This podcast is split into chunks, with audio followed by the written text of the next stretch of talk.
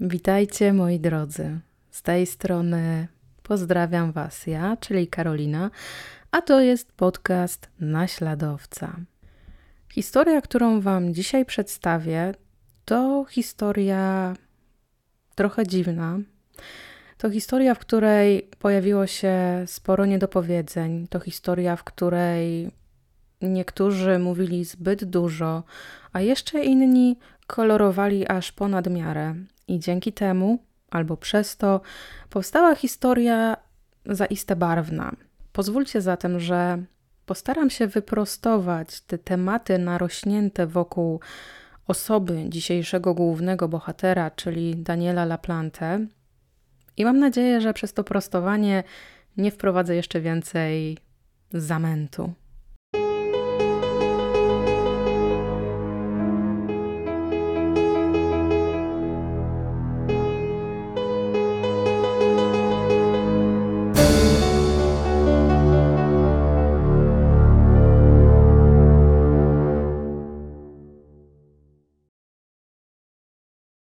Pierwszy dzień grudnia 1987 roku jest dla Andrew Gustafsona dniem jak każdy inny.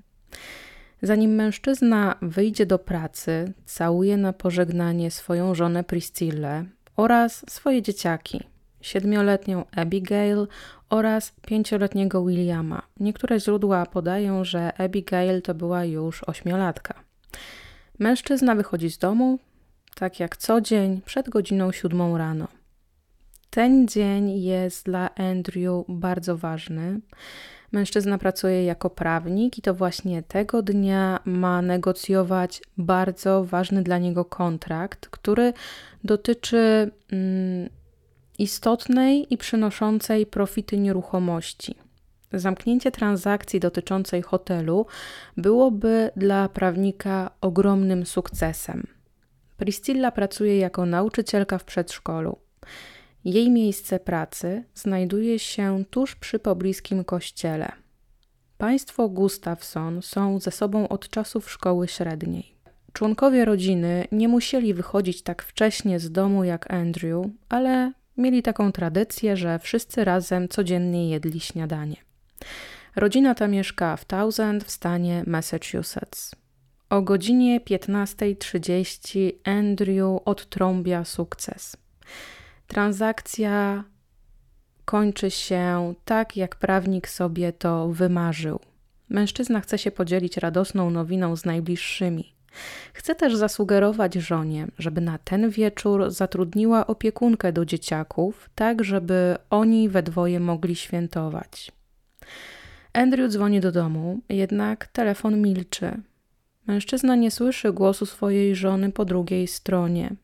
Dzwoni do domu jeszcze kilka razy i jest bardzo zaniepokojony, ponieważ ciągle ma w głowie ostatnie włamanie, do jakiego doszło właśnie w ich domu. Czyżby nieznany sprawca uderzył znowu? Ostatecznie mężczyzna wychodzi z pracy i o godzinie 17.20 znajduje się na podjeździe swojego domu. Widzi samochód Priscilli stojący przed budynkiem, jednak pomimo tej sugestii, że jego bliscy są w środku, we wnętrzu domu panuje mrok. Andrew kieruje swoje kroki do kuchni, włącza światło. Woła członków swojej rodziny, jednak nikt mu nie odpowiada. Chwyta za słuchawkę telefonu i wykręca numer opiekunki. Kobieta zaprzecza, żeby Abigail i William byli u niej tego dnia. Priscilla także nie kontaktowała się z nią w sprawie późniejszej opieki nad dziećmi. Andrew kieruje swoje kroki do małżeńskiej sypialni i tam musi zmierzyć się z widokiem, na jaki nie był gotowy. Priscilla leży na łóżku, twarzą do niego. Jest martwa. Andrew stara się zachować spokój. Wychodzi z pokoju, dzwoni pod numer 911 prosi o przyjazd funkcjonariusza policji pod adres Saunders Road 3. Nie szuka Abigail, nie szuka Williama, boi się, że zobaczy swoje dzieci martwe. Zanim na miejscu pojawi się oficer John Johnson, Andrew wchodzi do sypialni jeszcze jeden raz. Zauważa, że poduszka leżąca przy głowie żony ma dwie dziury po kulach. John Johnson po sprawdzeniu pulsu kobiety potwierdza, że Priscilla nie żyje. Dopiero kiedy na miejscu zjawia się drugi funkcjonariusz, który może zostać z Gustafsonem, Johnson szuka dzieci. Zwłoki Williama znajdują się w łazience na piętrze. W wannie, w której leży chłopiec, nie ma wody. Abigail ułożona jest w wannie twarzą do dna. E, jej zwłoki także leżą w wannie, w której znajduje się kilka centymetrów wody, i zwłoki dziewczynki są w łazience na parterze. Przyczyną śmierci Williama i Abigail jest utonięcie. Tego dnia Andrew Gustafson traci swoją całą rodzinę. Szczęście w pracy miesza się z dramatem w domu. Jest to dla niego ogromny cios, zwłaszcza, że Priscilla była w ciąży z ich trzecim dzieckiem. Oględziny miejsca zbrodni ujawniają, że w sypialni małżeństwa znajdują się związane ze sobą krawaty, skarpety, pończochy. Te części garderoby sprawca użył do unieruchomienia kobiety. W szafie znaleziono męską bieliznę, która nie należała do Andrew. Na łóżku sprawca pozostawił część prezerwatywy. Priscilla przed śmiercią została wykorzystana seksualnie. W domu znaleziono plamy czerwonej substancji. W kuchennym koszu napastnik umieścił kilka stron wydartych z magazynu dla dorosłych. Krótko przed śmiercią pani Gustafson została przebrana, co potwierdzają świadkowie, którzy widzieli ją wcześniej tego dnia. Sprawca umieścił w szafie zerwaną z Priscilli bieliznę razem ze związaną skarpetą. Ta druga ma na sobie czerwone plamy zmieszane ze śliną. Wygląda na to, że nieznany sprawca użył właśnie tej skarpety jako knebla. W szafie znaleziono zieloną koszulę, którą kobieta miała na sobie wcześniej, i to ubranie było rozdarte. Policjanci prowadzący śledztwo twierdzą, że pozbawienie życia trzech osób jest wynikiem nieudanego rabunku. Twierdzą tak, pomimo że nic nie zostało z domu skradzione. Jedyna rzecz, jaka zniknęła, to jest tabliczka z nazwiskiem rodziny zerwana z drzwi wejściowych. W jednym z pobliskich klombów zostają znalezione bardzo wyraźne odciski butów. Te odciski są dlatego wyraźne, ponieważ kilka dni wcześniej padało, tak więc sprawca no po prostu dosyć łatwo odcisnął swoją stopę w miękkiej ziemi. Do odnalezienia sprawcy zostają zaangażowany policjant z psem tropiącym. Pies Mike wącha poszewkę na poduszkę, którą napastnik miał w dłoni. Prowadzi swojego opiekuna do lasu. O pierwszej w nocy poszukiwania zostają przerwane, ponieważ pies jest zainteresowany bardziej innymi zwierzętami, no i e, śledczy po prostu obawiają się, że już nie wskaże żadnego wartościowego tropu. Rano na miejsce zbrodni przybywa inny śledczy z kolejnym psem. Ten prowadzi swojego opiekuna w głąb lasu na odległość ponad kilometra od domu Gustafsonów. Trop prowadzi do kolejnego domu. W tym domu mieszka rodzina LaPlante Moore. To prawdopodobnie przy tym domu zostaje znaleziona koszula, w którą sprawca zawinął tabliczkę z nazwiskiem Gustafson oraz dwie niedopasowane rękawice, jedna w kolorze białym, druga w kolorze żółtym. Inne źródła wskazują, że te dowody zostały znalezione w pobliżu miejsca zbrodni. Syn państwa Laplant, Daniel, jest bardzo dobrze znany policji. Zresztą był brany pod uwagę jako jeden z podejrzanych, kiedy państwo Gustafson zgłosili poprzednie włamanie. Włamanie miało miejsce 16 listopada 1987 roku, gdzieś pomiędzy godziną 11.30 a 15.30. Złodziej ukradł dwa dekodery telewizyjne, dwa piloty do telewizji oraz kilka srebrnych monet kolekcjonerskich. Śledczy mieli też na warsztacie kilka nierozwiązanych zbrodni sprzed kilkunastu lat, które wskazywały, że na terenie północnej części stanu Massachusetts może działać seryjny sprawca. Jedna ze spraw, która wykazuje zastanawiające podobieństwo do zbrodni w domu Gustafsonów, jest ta dokonana w 1973 roku. Wtedy ofiarą niezidentyfikowanego sprawcy padła 31-letnia nauczycielka Judith Book. Dom kobiety znajdował się w odległości około 200 metrów od miejsca zamieszkania Andrew i Priscilla. Informacja o śmierci Judith pojawiała się w każdych wiadomościach. Śledczy prosili o pomoc ludzi, którzy mogliby w jakiś sposób przyspieszyć pracę nad śledztwem.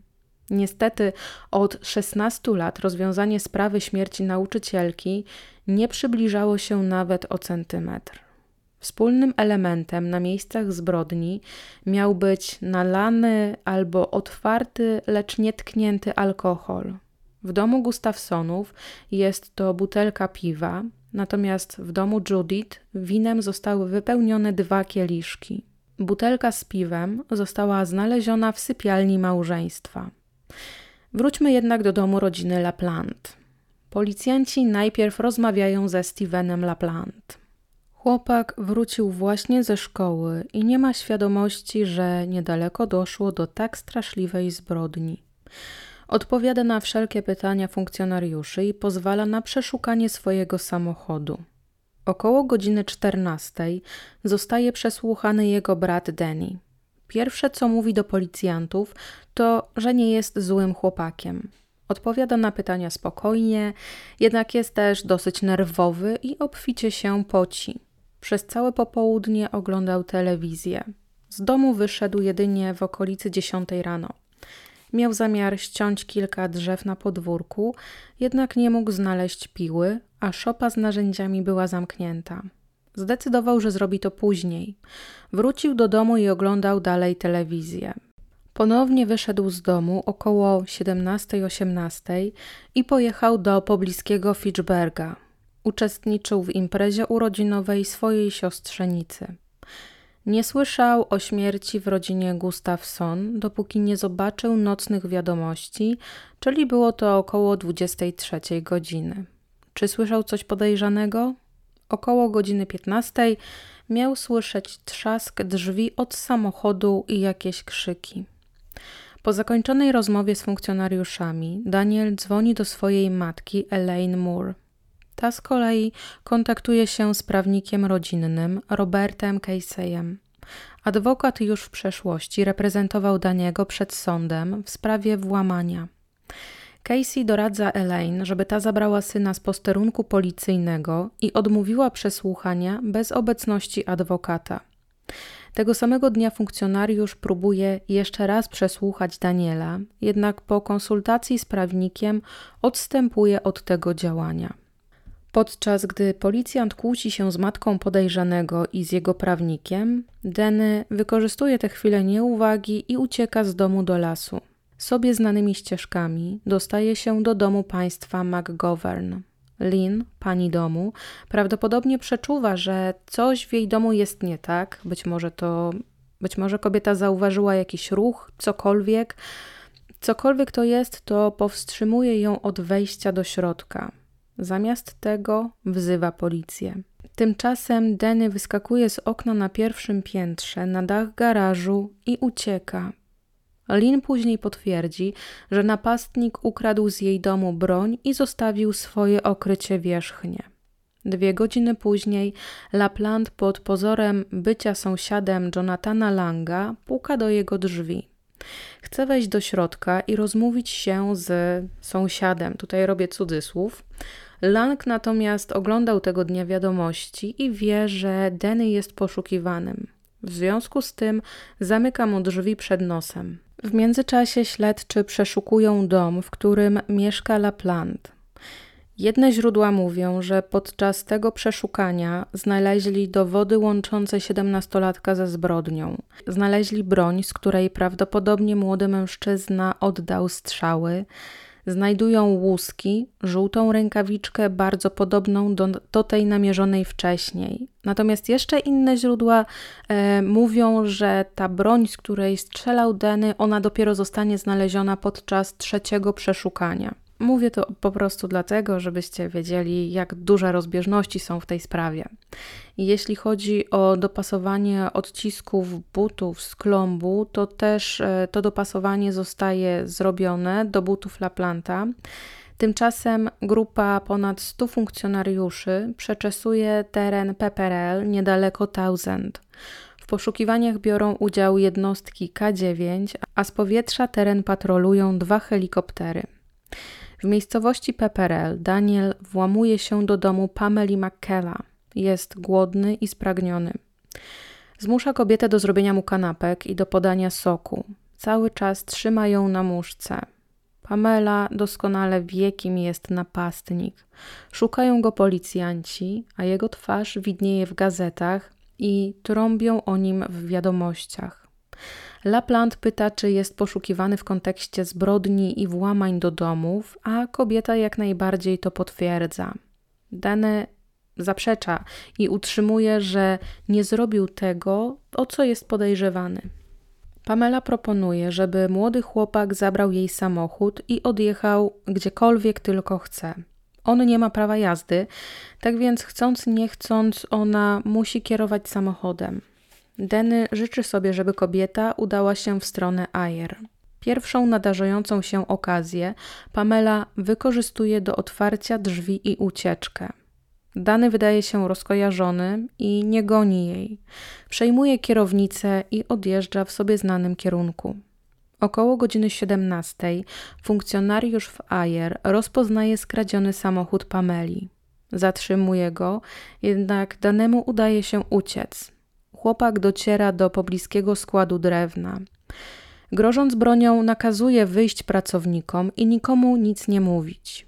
Oni informują lokalną policję o tym, że mają nieznanego sprawcę w swoim miejscu pracy. Miejsce zostaje otoczone i około godziny 6.30 rano Danny LaPlante wychodzi ze śmietnika, w którym się ukrył i oddaje w ręce policji.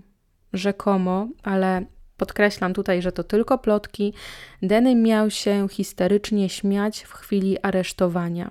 Inne źródła podają z kolei, że w chwili aresztowania chłopak jest spokojny. Przyznaje, że w majtkach ma pistolet, a kulę do niego w jednym z butów. Mieszkańcy Ayer oddychają z ulgą, kiedy dowiadują się, że Denny został aresztowany. Na posterunek przybywa Robert Casey. Śledczy mogą rozmawiać z Danym jedynie w jego obecności. Następnego dnia siedemnastolatek zostaje wysłany do Bridgewater. Jego stan i zdrowie psychiczne mają być ocenione przez zespół specjalistów. Kolejnego dnia około 350 osób przyszło pożegnać Priscillę, Williama i Abigail. Wielebny Lund wygłasza ściskającą za serce przemowę, w której opowiada o tym, jak idealną rodziną byli Gustafsonowie. Priscilla pracowała w przedszkolu należącym do kościoła, tak więc Wielebny nieco bliżej znał tę rodzinę. Kiedy lokalna społeczność żegna żonę i dzieci Andrew, rodzice danego bronią swojego syna. Rozmawiają z przedstawicielami prasy. 5 grudnia 1987 roku gazeta Boston Globe donosi, że matka i ojczym uważają, że ich syn jest niewinny. Elaine i David Moore, kiedy tylko dowiedzieli się o zbrodni, mieli rozmawiać z Denem o tym, że teraz zostanie wzięty na celownik śledczych, jako że mieszkają w pobliżu domu Gustafsonów. Oczywiście nie tylko sama bliskość zamieszkania jest powodem do bycia podejrzanym. Denny ma o wiele więcej na swoim sumieniu, ale o tym opowiem Wam dalej. Tymczasem Elaine takimi słowami broni syna. Cały czas go wspieram. Nie jest brutalny. To bardzo delikatna osoba. Wierzę, że jest niewinny i będę go nadal wspierać. Teraz wszystko zależy od sądu. Nie jest psychopatą, jak to niektórzy twierdzą. Policja, według jej słów, miała ugiąć się pod naciskiem opinii publicznej i aresztować pierwszego podejrzanego, jaki im pasował. Syn uciekał, ponieważ w jego głowie na niego już był wydany wyrok i nie mógł się w żaden sposób wytłumaczyć czy przedstawić alibi. Według szwagra, Denny mógł uciekać, ponieważ zaledwie miesiąc wcześniej wyszedł ze szpitala. Leo, szwagier i jednocześnie ojciec siostrzenicy Denego, zeznaje, że siedemnastolatek zjawił się na imprezie urodzinowej po godzinie 17. Zachowywał się całkiem normalnie.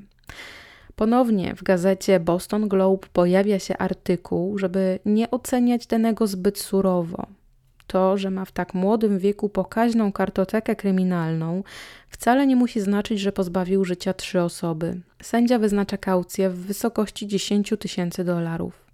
Matka zastawia własny dom, żeby syn mógł być na wolności i żeby na tej wolności oczekiwał na proces. To nie podoba się opinii publicznej, ale z drugiej strony Denny nie został jeszcze o nic oskarżony.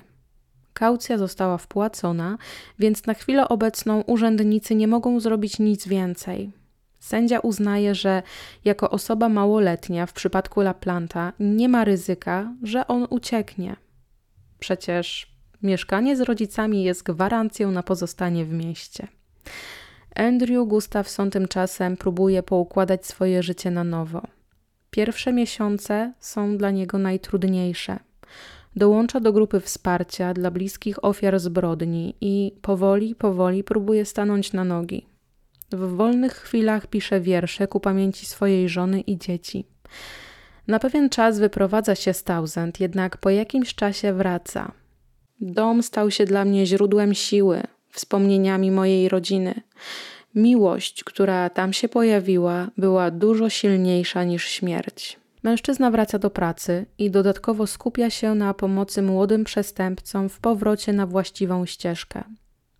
Jest w żałobie, ale swoim działaniem daje otoczeniu do zrozumienia, że nie da się pochłonąć smutkowi. Wraz z upływem czasu zrezygnuje ze swojej pracy prawnika i właśnie skupi się na tym, żeby pomagać młodym przestępcom, żeby nie skończyli tak jak Danny LaPlante. Nie każda redakcja gazety jest tak przyjazna LaPlante jak Boston Globe. Niektórzy dziennikarze zasięgają informacji od specjalistów, i tak na łamach prasy wypowiada się James Fox, kryminolog z Northeastern University. Z wyglądu pasowałby do klasycznego przypadku zachowania socjopatycznego albo antyspołecznego. Bycie socjopatą oznacza, że po prostu jesteś złym człowiekiem i tak naprawdę nie dbasz o nic poza sobą. Brak sumienia to coś, na co nie możesz dać komuś lekarstwa. Psycholog dziecięcy Larry Larson także nazywa podejrzanego socjopatą. Oczywiście był w stanie popełnić okropny czyn bez żadnych wyrzutów sumienia, co często jest oznaką osobowości socjopatycznej. Jako, że, jak wspomniałam wcześniej, Denny ma bogatą kartotekę kryminalną i na koncie odsiadki w więzieniu, to Larson ogromnie się dziwi, gdy po pierwsze dowiaduje się o tym, a po drugie, że w czasie pozbawienia wolności chłopak nigdy nie był leczony psychiatrycznie.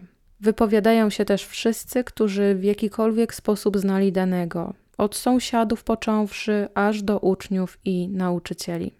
Prawdopodobnie jest to też czas, żebym i ja przedstawiła Wam, kim był, kim jest dany LaPlante i poznajmy zatem bliżej tego niechlubnego bohatera. Daniel LaPlante przychodzi na świat 15 maja 1970 roku jako syn Elaine oraz Claude'a LaPlante. Para ma razem czworo dzieci. Denny jest drugim dzieckiem zaraz po swoim bracie Stevenie. Rodzinę dopełnia syn Matthew oraz córka, której imienia nie udało mi się znaleźć w żadnym ze źródeł. Claude nie jest dobrym mężem. Nadużywa przemocy fizycznej i psychicznej zarówno w stronę żony, jak i w stronę swoich dzieci. Kiedy Denny ma dwa lata, rodzina przenosi się do domu przy Elm Street w Townsend w stanie Massachusetts. W roku 1976 Elaine ucieka z domu i zamieszkuje w pobliskim mieście Ashby. Nie zabiera ze sobą dzieci. Przez ten rok czwórka musi żyć ze swoim abuzywnym ojcem. To właśnie wtedy Denny ma być wykorzystany seksualnie przez Claude'a. W 1977 roku kobieta składa pozew o rozwód. Claude stanowi zagrożenie dla niej i dla jej dzieci, a ona chce sądowo wyrzucić go z domu i zostać jedynym prawnym opiekunem czwórki. Sąd wyraża zgodę i zobowiązuje ojca do płacenia alimentów w wysokości 90 dolarów miesięcznie na każde ze swoich dzieci. Claude nie wywiązuje się z obowiązku i wyjeżdża z Massachusetts. W roku 1981 Elaine bierze sobie za męża Davida Mura. W domu się nie przelewa, dzieciaki muszą spać na materacach ułożonych na podłodze. I mimo, że w otoczeniu Denego i jego rodzeństwa nie ma już biologicznego ojca, to dzieciństwo bohatera historii bardzo dalekie jest od sielankowego. Sąsiedzi będą opisywać dom rodziny LaPlante Moore jako brudny i zaniedbany. Wnętrze domu jest zagracone. Sprzątanie tego wnętrza odbywa się raz na kilka miesięcy. W zlewie regularnie piętrzą się niepozmywane naczynia. Podwórko przed domem jest zagracone śmieciami i zepsutymi samochodami. Krajobrazu dopełniają wałęsające się wszędzie zwierzęta domowe. Postępujące problemy syna obejmują dysleksję i niemożność nawiązania poprawnych interakcji społecznych. To sprawia, że chłopak zostaje wysłany do psychologa szkolnego. Niestety trafia wyjątkowo źle. Osoba ta wykorzystuje chłopaka seksualnie przez ponad rok. Aż do pierwszej klasy szkoły średniej Danny uczęszcza do szkoły publicznej. Potem rodzice przenoszą go do szkoły katolickiej. Chłopak lubi grać w futbol i lubi biegi lekkoatletyczne. Jego oceny nie są najlepsze. Czasem, jeśli ma ochotę podrażnić swoich kolegów z katolickiej szkoły, mówi im, że oddaje cześć szatanowi. W okolicy ma złą reputację, całkowicie zapracował na nią, a wichrzycielem był już od pierwszego dnia. Woli swoje własne towarzystwo i rzadko bawi się z rówieśnikami. Lubi natomiast bawić się w lesie i jest wyjątkowo cichy. Wraz z postępem lat sukcesywnie powiększa swoją kartotekę występków kryminalnych, jednak najgorsze ma dopiero nadejść. Kiedy Lapland ma lat 16, napada na młodszą o dwa lata dziewczynę. Zostaje oskarżony o działanie wbrew jej woli. Szczegóły zdarzenia zostają utajnione z uwagi na wiek sprawcy, jednak kiedy wraca do szkoły, jego koledzy z klasy wiedzą o wszystkim. Prawdopodobnie dlatego, że Townsend jest małym miasteczkiem, no i to sprawia, że informacje rozchodzą się pocztą pantoflową, lotem błyskawicy. Z powodu tego wydarzenia, prawdopodobnie jedyna koleżanka, która utrzymuje kontakty z Denym, decyduje się od niego odsunąć. Tina Bowen czasami wychodzi z kolegą na kole, czasami zaprasza go do domu na obiad. Dziewczyna ma młodszą siostrę Karen. Obie są wychowywane przez ojca Franka. Nie wiemy, co stało się z matką, czy zmarła, czy odeszła od męża. Natomiast w ich domu bardzo często bywa przyjaciółka ojca, Katy Knapp. Tina nie jest zainteresowana w romantyczny sposób Denym, natomiast on podkochuje się w koleżance. Po zdarzeniu z napaścią Tina przestaje odbierać telefony od kolegi i ignoruje go w szkole. Takie zachowanie koleżanki nie podoba się Danielowi i postanawia się na niej odegrać. Jest 10 grudnia 1986 roku. Bowenowie i Katie wracają późnym wieczorem do domu. Frank wchodzi do domu i otwiera swoją szafę. Z wnętrza wyłania się coś człekokształtnego, coś, co twarz ma pokryto, pokryte farbą, a na głowie pankową fryzurę. Ma też na stopach damskie szpilki, koszulę wypchaną najprawdopodobniej na wysokości piersi. Na dłoniach ma założone rękawiczki, a na tych rękawiczkach skarpety. I są to skarpety Franka. Natomiast w lewej dłoni dzierży siekierę. Jest to prawdopodobnie Denny LaPlante. Frank szybko zamyka drzwi od szafy i zabiera dziewczyny do drugiej sypialni. Tam wszyscy barykadują się i czekają na dalszy rozwój sytuacji. W międzyczasie Tina wydostaje się z domu przez okno. Biegnie do sąsiadów i stamtąd dzwoni na posterunek policji. Kiedy około 45 minut później funkcjonariusze przybywają na miejsce, intruza już nie ma. Nastolatka jest pewna, że sprawcą napaści był Danny LaPlante. Rodzina wyprowadza się z domu, jednak kiedy Frank wraca po kilku dniach, jasnym jest, że napastnik był w jego domu pod nieobecność wszystkich. Na stole w kuchni ustawił kieliszki wypełnione szampanem, a zdjęcie Tiny wbił ostrzem w stół. Każde zdjęcie dziewczyny zostało w taki sam sposób potraktowane. Policjanci wezwani przez Bowena znajdują nastolatka ukrywającego się w piwnicy. Inne źródła przekazują, że Denny został znaleziony w przestrzeni między dwiema ścianami oraz że z domu Bowenów ukradł biżuterię. Krótko po napaści na dom Bowenów dziennikarze dodawali od siebie informacje albo przemilczali pewne fakty. Dlaczego to robili? W dzisiejszych czasach to się nazywa clickbait. Te analogowe clickbaity miały za zadanie zszokować odbiorcę i skłonić do zakupu gazety. Do jakiej opowieści wyewoluowała ta historia i z jakiej sprawy zaraz po napaści na dom Gustafsonów znany jest Danny LaPlante, czas, żebym uchyliła wam rąbka tej tajemnicy. I od razu mówię, nie twierdzę, że ta historia jest nieprawdziwa, ale też nie twierdzę, że jest prawdziwa. Po prostu tyle do niej zostało nadodawane, że co z niej wyszło, posłuchajcie. Rodzina Andrews mieszka w Pepperell niedaleko Thousand. Rodzinę tworzą ojciec Frank, albo w zależności od źródeł Brian oraz jego dwie córki, 15-letnia Annie i młodsza od siostry Jessica. Pani Andrews nie ma na tym obrazku. I tutaj, żeby utrzymać spójność ze źródłami, będę używała imienia Brian jako właśnie ojca Annie i Jessica. Żona Briana niedawno zmarła. Rany po śmierci pani Andrews w sercach członków rodziny jeszcze się nie zabliźniły, kiedy pewnego dnia w ich domu rozbrzmiewa dzwonek telefoniczny. Annie, która odbiera telefon, rozmówca przedstawia się jako Danny LaPlante. Nastolatkowie się nie znają, jednak to nie przeszkadza im rozmawiać przez telefon, żeby bliżej się poznać. LaPlante opowiada, że numer domowy Annie dostał od ich wspólnego kolegi. Podczas rozmowy Danny opisuje siebie jako wysokiego, przystojnego, wysportowanego blondyna. Mieszka też niedaleko. Nastolatka jest nieco sceptycznie nastawiona do tego opisu, ale ostatecznie bierze go na klatę i czemu ma kwestionować wygląd swojego rozmówcy? Po kilku całkiem przyjemnych rozmowach telefonicznych, młodzi ludzie decydują, że czas się spotkać.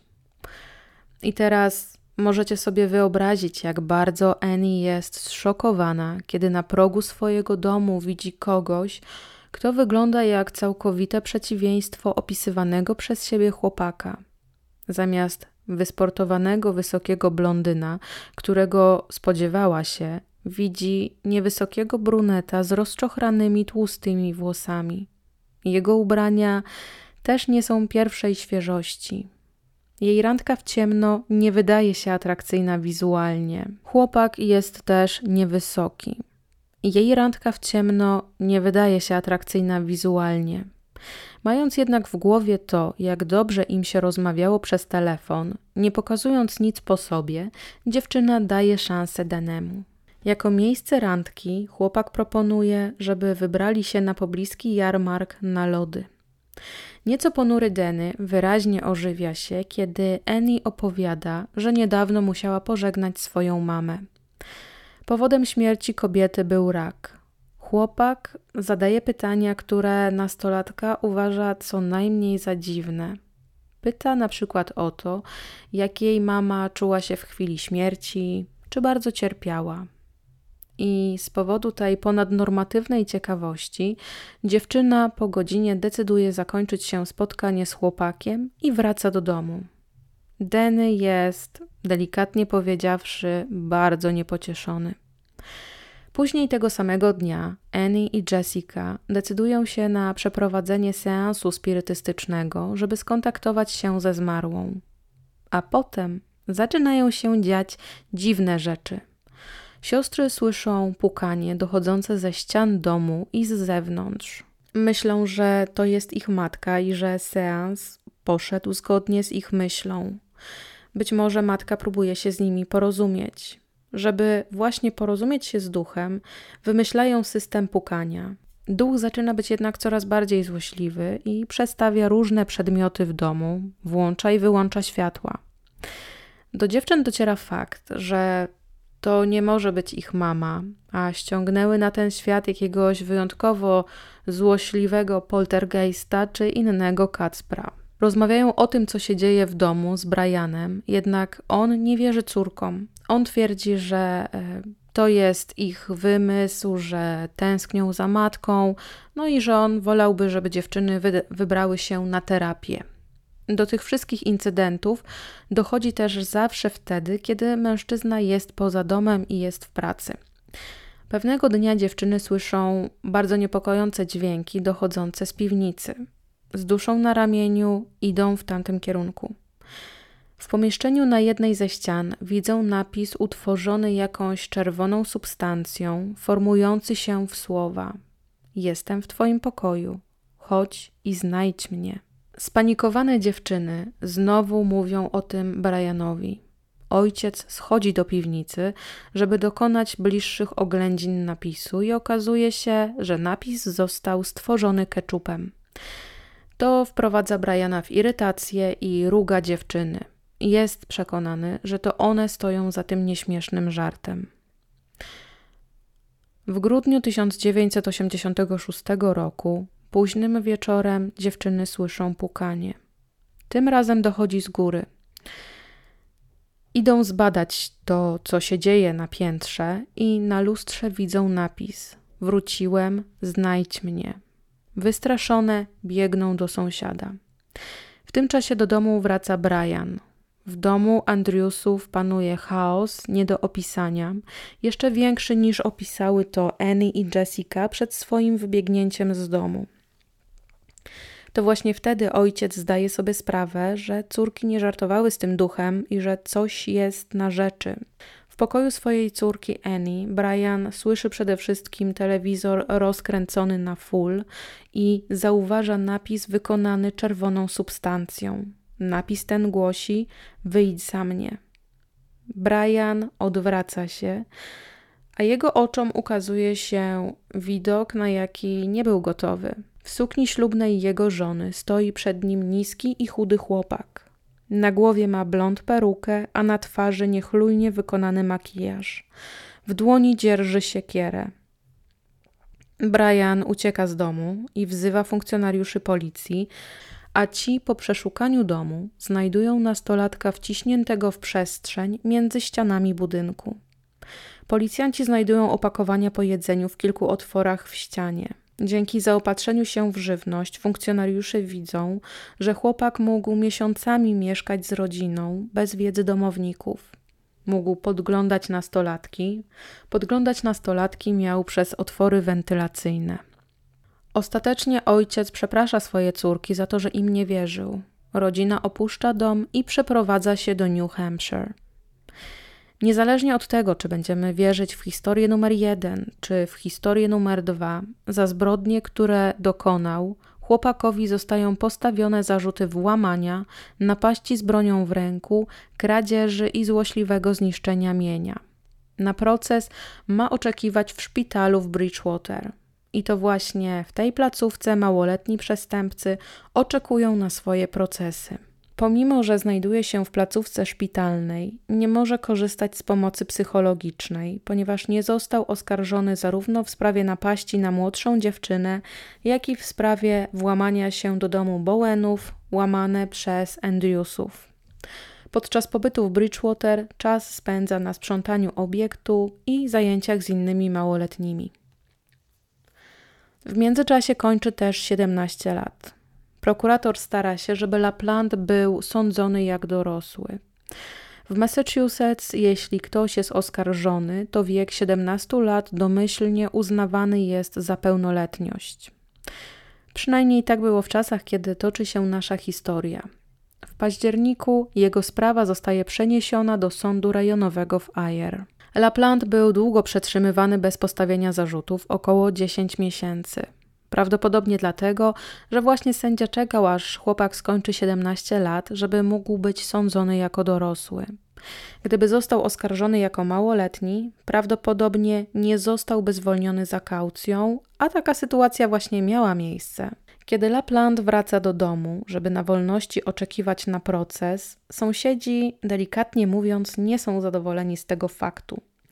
Chłopak nie wraca do szkoły, nie nawiązuje kontaktów z kolegami z placówki. Zmienia tok nauki i od chwili wyjścia na wolność pomaga mu korepetytor. Szybko też wraca do nawyku włamywania się do mieszkań. Latami jest podejrzewany o kilka lokalnych włamań, więc kiedy zaraz po jego zwolnieniu nieznany sprawca znów włamuje się do domów, sąsiedzi nie są zbytnio zaskoczeni. Od dnia jego zwolnienia do końca listopada ma miejsce pięć włamań. 14 października z domu rodziny Pendel zostają skradzione dwa pistolety kaliber 22. Dom tej rodziny znajduje się w odległości krótkiego spaceru od domu La Plante Moor. W przypadku pozostałych włamań drobne przedmioty zostały skradzione, włamywacz wyjadał jedzenie z lodówki swoich ofiar i przenosił różne przedmioty z miejsca na miejsce. Być może planował je ukraść, ale jakoś ostatecznie zmieniał zdanie. 16 listopada Denny włamuje się po raz pierwszy do domu należącego do rodziny Gustafson. Skradzione przedmioty ukrywa w skrzyni na narzędzia w domu swojego brata. I teraz, w momencie, kiedy brat uzyskał pełnoletność, to rodzice, mm, którzy zamieszkiwali w bliźniaku, oddali mu tak jakby jedną część tego domu, a wszyscy tutaj z trójką rodzeństwa Stevena mieszkali w drugiej części. Steven, jeśli chodzi o e, ukrycie w jego domu fantów, to jak najbardziej on o tym wie. Co więcej, mówi o włamaniach swojemu przyjacielowi Michaelowi Polowskiemu. Obaj mężczyźni wiedzą, że Danny ma sporo pieniędzy, tych pieniędzy w gotówce, a jest to o tyle dziwne, że chłopak nigdzie nie pracuje. Siedemnastolatek prosi swojego brata o amunicję kaliber 22 i chce przetopić tych kilka pocisków i zrobić z nich jeden duży. Później dochodzi do zbrodni w domu rodziny Gustafson 1 grudnia 1987 roku, zbrodni, od której zaczęłam ten podcast. Tydzień później, czyli 7 grudnia, śledczy przeszukują pokój Denego. Znajdują tam masę magazynów dla dorosłych i to doprowadza wszystkich do dedukcji, że to właśnie media tego nurtu były odpowiedzialne za zachowanie Lapland wobec Priscilli. W pokoju Denego zostają także znalezione pokaźna ilość amunicji kaliber 22, nóż wędkarski, włosy i włókna, które będą później poddane analizie. W międzyczasie technicy znajdują w sypialni państwa Gustafson przy łóżku włosy łonowe, które nie pasują do żadnego członka rodziny. Śledczy uzyskują nakaz pobrania próbek włosów i krwi oddanego. Prawnik oskarżonego apeluje do opinii publicznej, żeby każdy, kto cokolwiek wie o zbrodni, zgłosił się na posterunek policji. Prawnik chce uniknąć pomyłki sądowej. Nie chce, żeby niewinna osoba spędziła resztę swojego życia za kratami. Robert Casey utrzymuje, że w zbrodnie w domu Gustafsonów zaangażowane było wiele osób. Nie przedstawia jednak żadnych konkretnych dowodów, które mogłyby poprzeć jego tezę. 13 stycznia 1988 roku postawiono Danielowi 28 zarzutów, w tym 10 dotyczących incydentów PPRL. Na początku kwietnia tego samego roku Steven LaPlante i Michael Polowski zgłaszają śledczym, że znaleźli broń kaliber 22, która mogła być narzędziem zbrodni. Pistolet ukryty był w schowku na rękawiczki jednego z wraków samochodu na podwórku. Specjalista z dziedziny balistyki potwierdza, że broń dostarczona w kwietniu jest narzędziem zbrodni, co potwierdzają ślady na kulach wystrzelonych w kontrolowanych warunkach i porównanych do kul wydobytych z ciała Priscilli. No i tutaj, tak jak wspomniałam wcześniej, jest rozbieżność, czy ta broń została znaleziona podczas pierwszego przeszukania, czy podczas trzeciego przeszukania. Co jeśli wydarzyło się podczas trzeciego przeszukania, prowadzi nas do kolejnej informacji, że cała rodzina LaPlante-Moore generalnie była bardzo zniesmaczona działaniem policji. Dlaczego policja dopiero teraz, podczas trzeciego przesłuchania, podczas trzeciego przeszukania znajduje tak istotny dowód? 8 września sędzia prowadzący sprawę LaPlanta ocenia, że młody mężczyzna najpierw będzie sądzony w sprawie śmierci w rodzinie Gustafson, a pozostałe pomniejsze zarzuty zostaną rozpatrzone w późniejszym terminie. Obrońca oskarżonego wnosi o przeniesienie procesu klienta do innego miasta. W Thousand Andrew Gustafson zna każdego prawnika z racji, że to jest niewielkie miasteczko, co może wpłynąć na przebieg procesu. Sędzia przychyla się do możliwości zaangażowania ławników z dalszych miast, żeby uniknąć stronniczości jurorów. Proces rozpoczyna się 8 października 1988 roku. Przez trzy tygodnie prokuratura wzywała do sądu świadków i biegłych z zakresu medycyny sądowej. Obrona swoje działania opiera na próbach obalenia twierdzeń prokuratury i ich ekspertów. Mimo, że testy DNA były wykonywane już od kilku lat, to w przypadku procesu w sprawie danego nie zostały zrobione. I bez tego specjaliści prokuratury zdołali zbudować przekonującą narrację opartą na zebranych dowodach. Na rękawicach znalezionych w pobliżu miejsca zbrodni był proch po niedawnym wystrzale z broni. Ekspert z laboratorium kryminalistycznego FBI potwierdza, że odciski trampek znalezione w pobliżu domu Gustafsonów należą do butów Denego. Plama nasienia znaleziona w sypialni pochodzi od osoby z grupą krwi A. Daniel LaPlante miał właśnie taką grupę krwi, a wszyscy Gustafsonowie byli posiadaczami grupy krwi 0. Na jednej ze skarpet Daniela i na krawacie zostały znalezione włosy, po przeanalizowaniu cech wyglądu okazuje się, że odpowiadały one włosom Abigail. Jeden ze specjalistów, który badał oskarżonego 3 grudnia, widział na jego szyi i na jego plecach obrażenia zadane paznokciami oraz skaleczenia na obu dłoniach. Laplant nie zaznaje w swojej własnej obronie, a wszystko, co powiedział przed odczytaniem mu jego praw, nie zostało dopuszczone do procesu. W ostatnich słowach przemowy obrońcy mężczyzna twierdzi, że Danny jest ofiarą swojej rodziny i że został wrobiony w zbrodnie przez swojego brata Stevena i przez jego przyjaciela.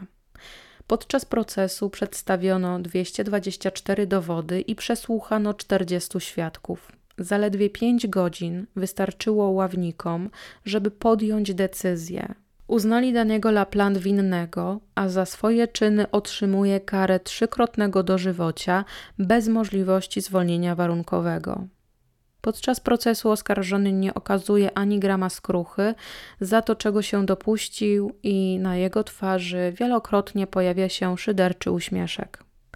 1 stycznia 1989 roku Andrew Gustafson żeni się z Carol Sieber. Tak jak Andrew, kobieta jest wdową. Jej mąż zmarł trzy lata wcześniej na raka mózgu. Oboje zachowują swoje stare obrączki, do których dodają nowe. Ma im to przypominać o najbliższych, których utracili. Para w przyszłości adoptuje dwie córki. Po zakończonym procesie dziennikarze rozmawiają z ławnikami. Jeden z nich tak podsumowuje tę sprawę. Gdybyś zobaczył zdjęcia tej dwójki dzieci w wannie lub poduszkę nad głową kobiety z dwoma dziurami po kulach, tak jak ja, zgodziłbyś się ze mną. Facet zasługuje na śmierć. Inny mówi jeszcze. To była makabryczna sprawa, a on jest złym człowiekiem. Nigdy nie myślałem zbyt wiele o karze śmierci, ale w tym przypadku na pewno by się przydała. Co znaczące, żadna z osób zasiadających w ławie przysięgłych nie brała pod uwagę możliwości, że Denny może być niewinny. Natomiast taką możliwość brał pod uwagę podczas procesu jego obrońca. Pojawiły się obiekcje, czy Denny dałby radę sam poczynić takie spustoszenie w domu Gustafsonów. Na imprezie urodzinowej siostrzenicy miał pojawić się o godzinie 17. E, tak mówi Leo, czyli ojciec siostrzenicy. Denny sam utrzymywał, że była godzina 18. Żaden z sąsiadów nie słyszał i nie widział pod domem Gustafsonów podejrzanego auta, co oznacza, że napastnik musiał uciekać na nogach. Dodatkowo wszystkie dowody świadczące o napaści na rodzinę zostały znalezione w części domu należącej do Stevena. Policjanci dopiero za trzecim przeszukaniem domu i podwórka znaleźli broń. Rzekomo, bo tak jak mówiłam wcześniej, niektóre źródła swoje, inne źródła swoje. Skradzione przedmioty były albo w posiadaniu Stevena, albo zostały przez niego znalezione. To Steven miał wskazać śledczym ubrania, w których młodszy brat miał dokonać zbrodni. Michael Pulowski też dołożył swoje trzy grosze w sprawie, żeby wskazać sprawstwo Daniego. To właśnie on zeznał, że widział młodszego brata kolegi w ubraniu zaplamionym czerwoną substancją. I jeśli pamiętacie o porównaniu włosów Denego z włosami łonowymi napastnika znalezionymi w sypialni Gustafsonów, to prokuratura później nie walczyła o sądzenie Laplant za napaść seksualną na Priscillę. W grudniu 1988 roku Laplant zostaje umieszczony w izolatce. Wielu osadzonych wie, jakie przestępstwa ma ten młody mężczyzna na sumieniu. Trzy lata później, 1 grudnia, próbuje uciec z więzienia w Kalifornii. We wrześniu 1993 roku Lapland odwołuje się od wyroku skazującego. 16 listopada tego samego roku werdykt wydany podczas procesu w 1988 roku zostaje podtrzymany. Mija 10 lat i to właśnie w roku 2003 opinia publiczna ponownie słyszy cokolwiek dotyczącego Daniela Laplant. 33-letni mężczyzna pozywa władze więzienia za nieprzyznanie mu nielimitowanego dostępu do biblioteki. On chce mieć dostęp do książek prawniczych, żeby móc zbudować ponownie swoją własną obronę. Został również błędnie uznany za przestępcę seksualnego. On nigdy nie został oskarżony o napaść na takim właśnie tle. Jako zadośćuczynienie domaga się 21 dolarów odszkodowania. To jest 1 dolar za każdy miesiąc, w którym odmówiono mu dostępu do książek. I ciekawostka, jest to maksymalna kwota, o jaką może wnioskować, gdy walczy o dostęp do materiałów prawniczych.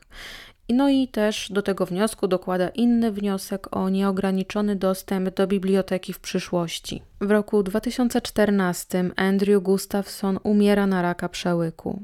Karol, jego druga żona, mówi, że nawet w ostatnich dniach kazał jej dopilnować, żeby Laplant nigdy nie został zwolniony. W 2017 roku osadzony ponownie składa odwołanie odwołuje się od wydanego na niego wyroku dożywocia bez możliwości wcześniejszego zwolnienia dla niego, kiedy był skazany jako osoba małoletnia. Ustawa pozwalała skazanym jako małoletnim w chwili wydania wyroku ubiegać się po latach o zwolnienie warunkowe po odsiedzeniu 15 lat z dożywocia. Jednak ponieważ Denny otrzymał trzy wyroki dożywocia, to najwcześniej ewentualnie mógłby wyjść na wolność po 45 latach. Podczas pierwszego procesu trudne dzieciństwo oskarżonego nie zostało przedstawione w sądzie, a powodem było to, że siedemnastolatkowie są domyślnie sądzeni jako dorośli. Denny był maltretowany psychicznie i fizycznie przez swojego biologicznego ojca i wykorzystywany seksualnie przez psychologa.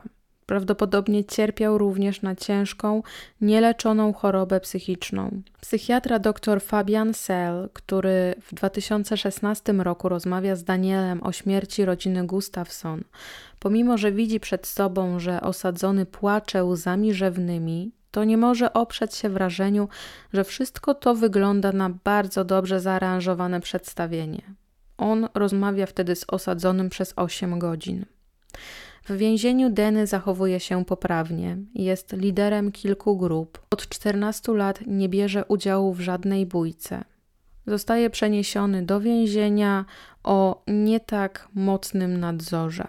To właśnie podczas tej apelacji Lapland przedstawia swoje słynne, cytowane w jego historii oświadczenie, które ja też przytoczę. Słowa nie są w stanie w pełni oddać tego, co zrobiłem.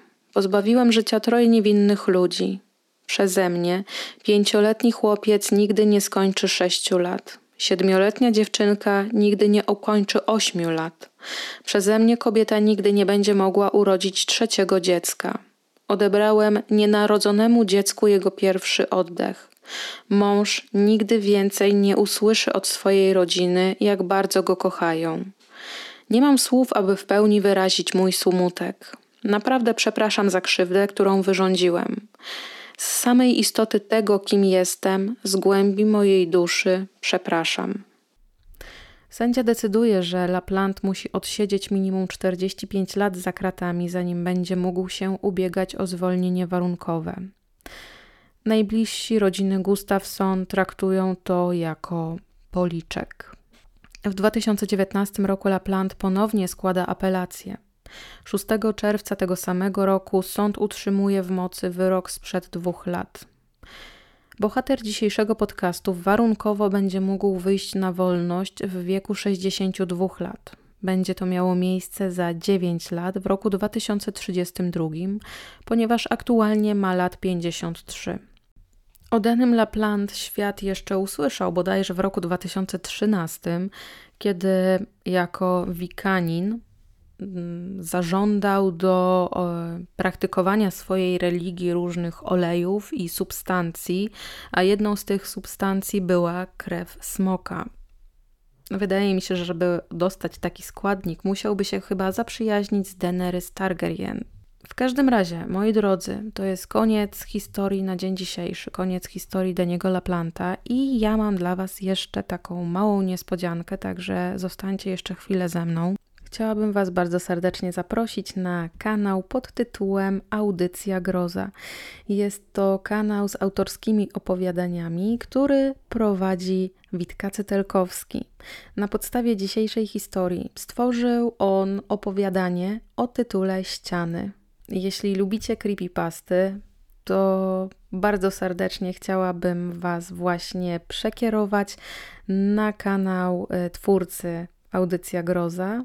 Link zostawię Wam w przypiętym komentarzu. Także jeśli chcecie posłuchać, jak Witkacy poradził sobie z tą historią i jak przełożył ją na nasze aktualne realia, to zapraszam do odsłuchania. Przecież nie od dzisiaj wiadomo, że najlepsze historie pisze samo życie. Zostawcie też twórcy lajka, subskrypcję, komentarz. Będzie mi niezmiernie miło, jeśli w taki sposób zaakcentujecie swoją obecność. Dziękuję Wam jeszcze raz za wysłuchanie dzisiejszej historii. Dziękuję moim wspierającym, dziękuję każdemu, kto stawia mi wirtualną kawkę. Dziękuję też każdemu, kto swoim lajkiem, komentarzem, subskrypcją przykłada się do rozwoju mojego kanału. Wasze komentarze jeszcze raz dziękuję, bo bez Was mogłabym co najwyżej nagrywać do kotleta.